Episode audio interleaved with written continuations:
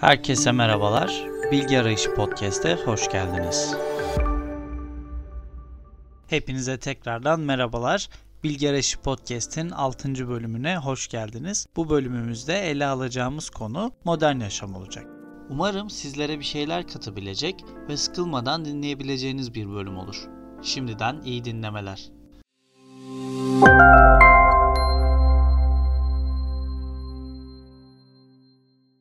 İçinde bulunduğumuz modern çağı düşündüğümüzde ilk olarak aklımıza gelmesi gereken şey belki de kullanat kültürü olmalı. Kullanat kültürü dediğimizde aslında tüketim kültürünün bir yansımasını görmekteyiz. Ne anlama geliyor? Tek seferlik, birçok şeyin tek seferlik kullanım için üretildiği ve bunları çoğu zaman bir daha düşünmediğimiz ya da işte alırken de düşünmediğimiz temelinde kullanıp kolayca hemen hayatımızdan çıkartabileceğimiz şeyler olarak görebiliriz. Tabi bu bir alışkanlık haline geliyor. Belli bir süre sonra da karakterimizi etkilemeye başlıyor.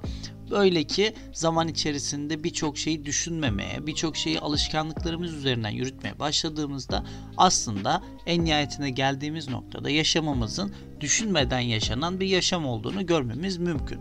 Bunun en büyük örneği olarak da sosyal medyayı verebiliriz. Örneğin haber konusunu düşündüğümüzde sosyal medya artık sadece bir eğlence kaynağı olmaktan ziyade aynı zamanda bilgi kaynağı niteliğini de taşımakta. Ve baktığımız zaman insanların sosyal medya üzerinde paylaşılan gönderilerin birçoğuna haber niteliği atfederek onlara inandığını görmemiz mümkün. Ama habercilik veyahut da haber aslında çok hassas bir konu. Verilen bilginin doğruluğu, teyit edilebilirliği, ya da geçerliliği bağlamında düşündüğümüzde çok hassas olması gereken bir nokta. Ama biz kullanat kültürünü o kadar çok hayatımıza entegre etmişiz ki haberleri de bu şekilde hemen alıp hemen ilk kaynaktan öğreniyormuşçasına kabul edip hemen o an tepkimizi verip daha sonrasında o haber hiç olmamış gibi hayatımızda hiç yaşanmamış gibi yaşamımıza devam edebiliyoruz. Ne yazık ki bu özellikle çok sıkıntılı toplumsal sorunların ortaya çıktığı haberlerde yaşanıyor. İşte bir cinayet oluyor veyahut da bir şehit haberi geliyor. Fakat bu haberler önceden belki de yine bu kadar uzun süreler dikkat çekmezdi ama en azından işte 5-10 dakikadan ziyade işte bir gün, iki gün veyahut da ülkenin gündemine oturacak nitelikte şeyler olurdu.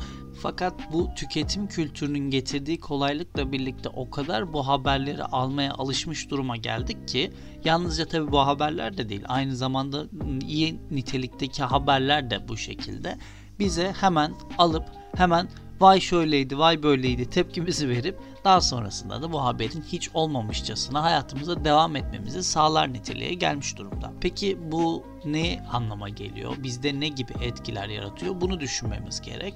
Modern hayat tüketim kültürünün üzerine kurulu bir yaşam ve içine doğduğumuz kültür de aslında bütün dünyada işte küreselleşen kültürlerin genelinde olduğu üzere tüketimi kutsayan bir kültür. Ne anlama geliyor tüketimi kutsamak?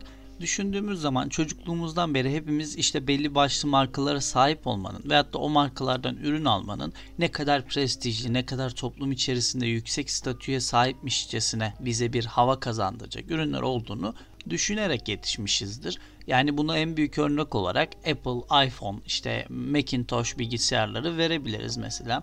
Bir mekana gittiğiniz zaman veyahut da arkadaşlarınız arasında muhakkak özellikle gençler arasında işte lise çağındaki insanlar arasında muhakkak işte iPhone'u olan kişinin daha prestijli, nispeten daha düşük model telefonlara veyahut da farklı model telefonlara sahip olan kişilerin biraz daha sıradan, biraz daha olağan kişiler olduğunu, bir ayrımının yapıldığını görebiliyoruz. İşte burada aslında modern toplumun bizleri ne üzerine kandırdığını rastlamak da mümkün. Bizi eşsizlik içerisinde tek tipleştirdiğini görebiliyoruz. Nedir bu eşsizlik içerisinde tek tipleştirmek? Yani herkesin eşsiz olduğu, herkesin çok kıymetli olduğu ve dolayısıyla en üst düzey ürünleri tüketmesi gerektiği, en prestijli şeyleri tüketmesi gerektiği gerçeği üzerine bizleri adapte ederek bu gerçeğin daha doğrusu bu algının bizleri eşsizler olarak bir tek tipleştirmeye tabi tuttuğunu görebiliriz eşsizlerin tek tipleştirilmesi yani herkesin prestijli telefonlar kullanması, herkesin bu kullanat kültürünün, tüketim kültürünün bir parçası haline gelmesi oluyor. E tabii ki buradaki kazanç da dolayısıyla üreten kişilere gitmiyor. Beklediğimiz gibi. Kime gidiyor? Bu üretimin başında olan kimselere gidiyor. Tabi burada şimdi kapitalizm eleştirisi yapmak veyahut da ekonomi politik üzerine bir podcast çekmek farklı bir konuya gideceği için çok o tarafa yönelmeyeceğim. Ben daha ziyade bu tüketim kültürünün bizim üzerimizdeki etkilerine odaklanmayı tercih ediyorum. En büyük etkilerinden bir tanesi ise hızlı yaşam içerisinde zihnimizin ne kadar yıprandığı aslında. Baktığımız zaman birçoğumuz aslında şu anda işte serotonin bağımlısı haline gelmiş durumdayız. Öyle ki özellikle sosyal medya şirketlerinin analizler yapıp bizleri daha fazla sosyal medyada tutmak maksadıyla ürettiği yöntemlerin en büyük ve en önemlisi de aslında beynimizin serotonin salgılamasına neden olacak küçük numaralar yapmak oluyor bu sosyal medya uygulamaları veyahut da web siteleri içerisinde.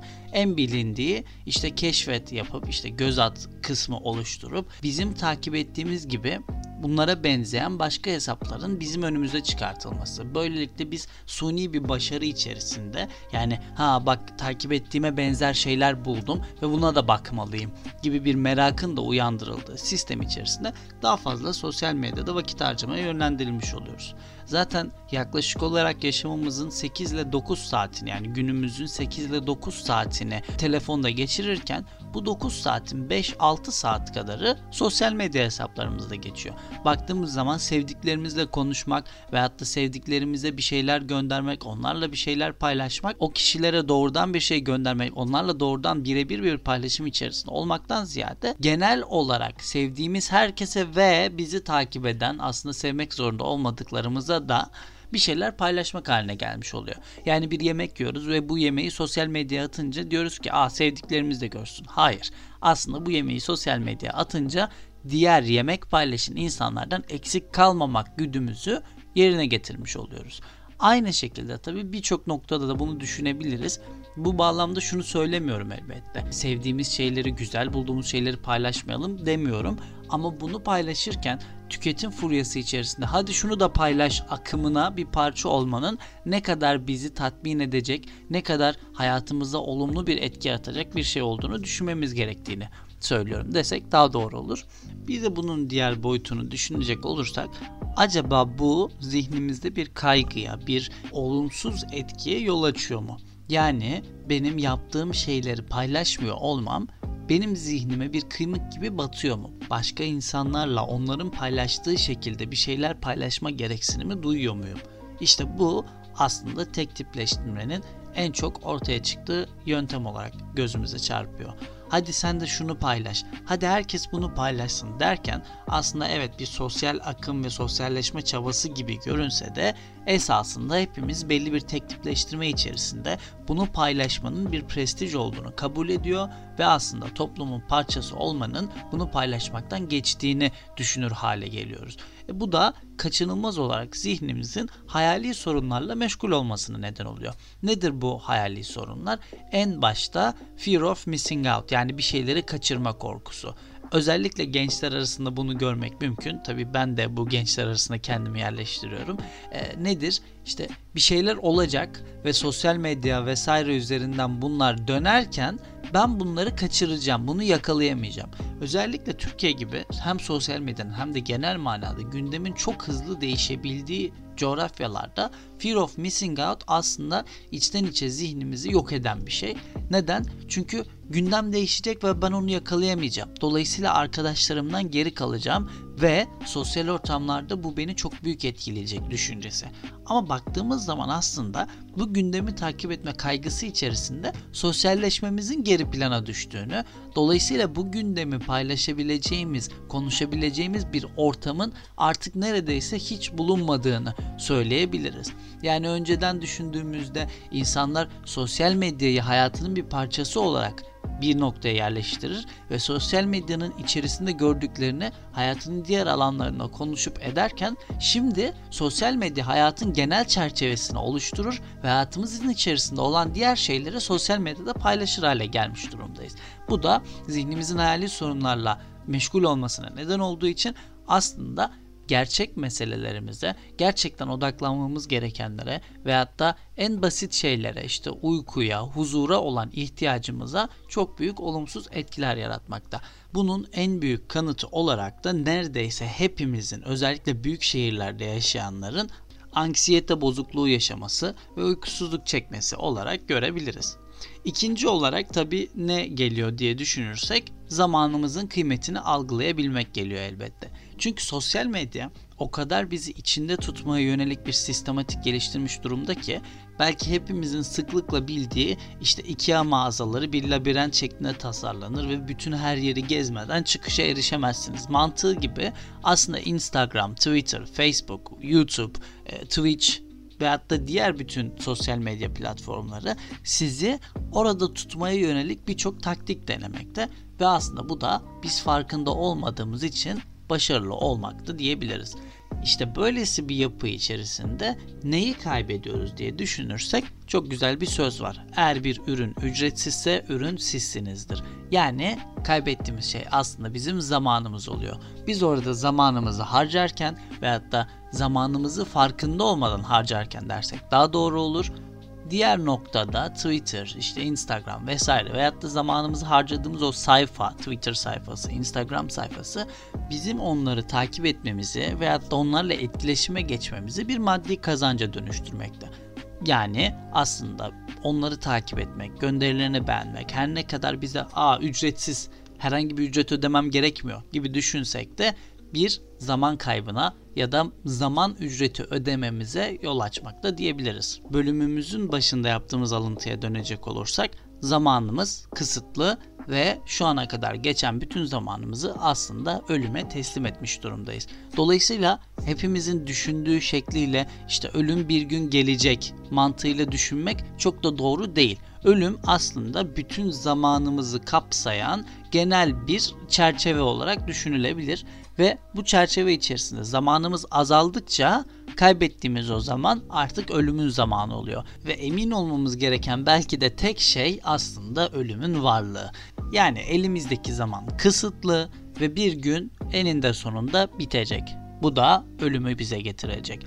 Peki bu ölüm gelene kadar biz ne yapıyor olacağız? Instagram'da sayfa beğeniyor olacağız. Hayır, böyle yapmamamız gerekiyor elbette. Biz ne yapıyor olacağız? İşte burada da üçüncü önemli modern yaşama karşı kullanabileceğimiz ve kendimizi güçlendirebileceğimiz unsur geliyor. Kendimizi ve gücümüzü tanıyarak öz disiplin geliştiriyor olacağız. Hayali kaygılarımızdan kurtulduk birinci adımımızda. İkinci adımımızda zamanımızın kıymetini anlamış olduk.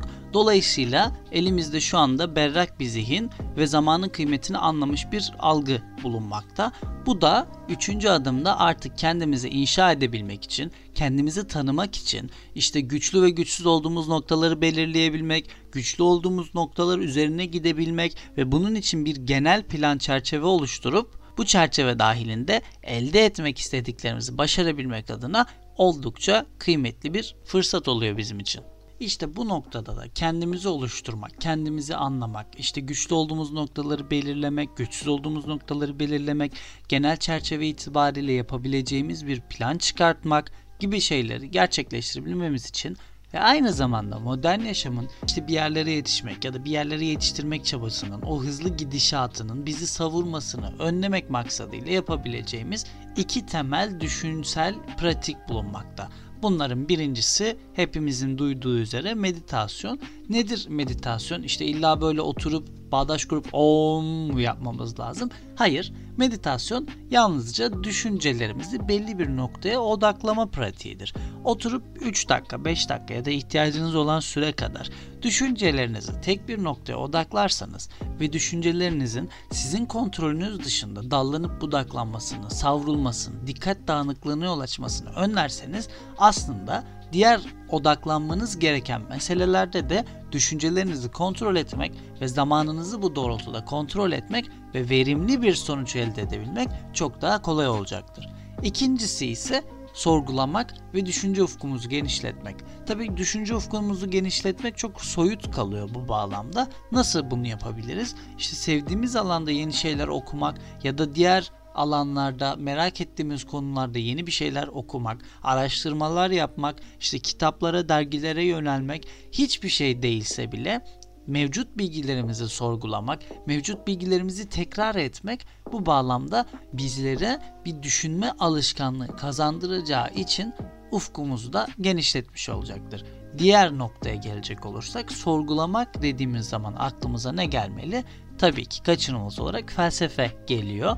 Tabi bu felsefeyle ilgilenme konusunda zorunlu değil hiç kimse elbette. İsterseniz felsefeye hiç ilgi duymayabilirsiniz veyahut da hiç vakit ayırmayabilirsiniz. Yalnızca felsefe okumak, felsefe araştırmak, işte düşünsel akımları bilmek anlamına gelmiyor. Aslında baktığımız zaman temel yaşamımız içerisindeki şeyleri dahi işte ya bu neden böyle oldu? İşte bunun acaba kaynağı ne? Ya da buna neden böyle dedik? Hani bu böyle oldu ama gerçekten iyi bir şey mi? Gerçekten kötü bir şey mi? Gibi basit sorgulara yönelmek dahi aslında kendi içerimizde bir tırnak içerisinde felsefe yapmak olacağı için bizleri de belli bir noktada zihnimizi odaklamayı ve zihnimizi toparlamayı mümkün kılacaktır her bölüm bölüm süremizin giderek artmasını da gözeterek artık bölümümüzü burada sonlandırmamız gerektiğini düşünüyorum. Hem de sizi daha fazla sıkmamak adına bir alıntı yaparak bölümümüzün sonuna gelelim. Kimse kendi üzerinde varacağı ustalıktan daha küçük ya da daha büyük bir ustalığa erişemez. Leonardo da Vinci. Hepinize beni dinlediğiniz için teşekkür ederim. Umarım güzel bir yıl güzel bir başlangıç olmuştur sizin için ve umarım gününüzde oldukça güzel verimli geçiyordur hem podcast'imizle ilgili hem Medium yazılarımla ilgili ya da diğer noktalarda aklınıza gelen e, benimle paylaşmak istediğiniz şeylerle ilgili olarak Uyan Neo Instagram hesabım üzerinden bana erişebilirsiniz. Hepinize iyi günler diliyorum.